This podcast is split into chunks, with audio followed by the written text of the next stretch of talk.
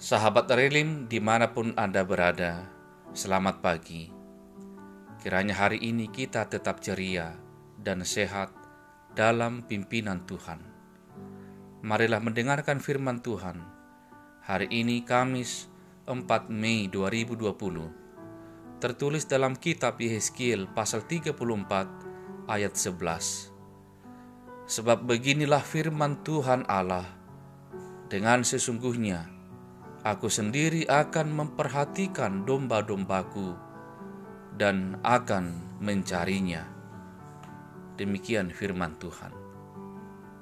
Saudara-saudari, ayat ini berisi nubuatan Nabi Yeskiel yang menuliskan pesan kepada umat Allah yang menjadi tawanan dalam pembuangan di Babel saat itu. Ia membandingkan mereka dengan domba yang dituntun oleh gembala yang jahat. Alih-alih mempedulikan kawanan dombanya, para pemimpin Israel yang adalah gembala saat itu telah memeras dan memanfaatkan mereka, lalu meninggalkan mereka menjadi mangsa bagi segala binatang di hutan. Setelah semua yang ada pada domba itu dikuras habis oleh gembala yang jahat itu.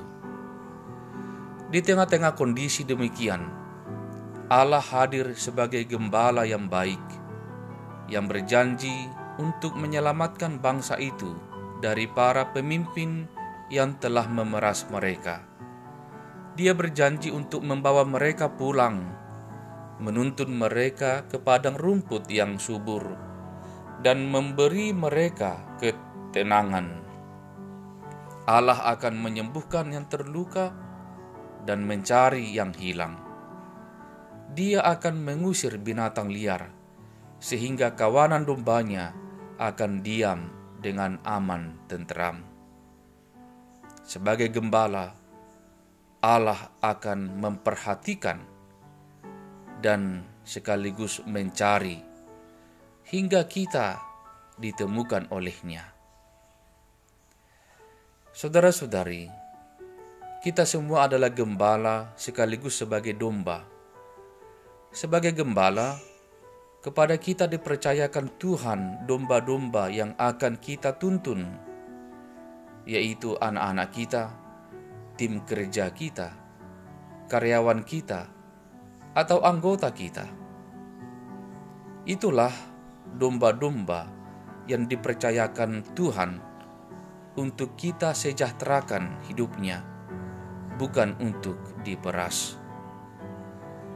Namun kita juga adalah domba-domba yang digembalakan oleh gembala agung, yaitu Yesus Kristus. Kita sungguh diberkati karena memiliki gembala agung yang selalu menuntun kita ke padang rumput yang hijau. Kiranya kita semua sebagai domba rela, dan setia mendengarkan dan melakukan apa yang diperintahkan oleh Gembala Agung itu demi kehidupan dan keselamatan kita. Amin. Marilah kita berdoa. Ya Tuhan Allah Bapa kami, tuntunlah kami selalu. Gembalakanlah kami ya Bapa agar kami tidak jatuh dan tidak tersesat. Berkatilah seluruh jemaatmu di mana pun berada dan bekerja.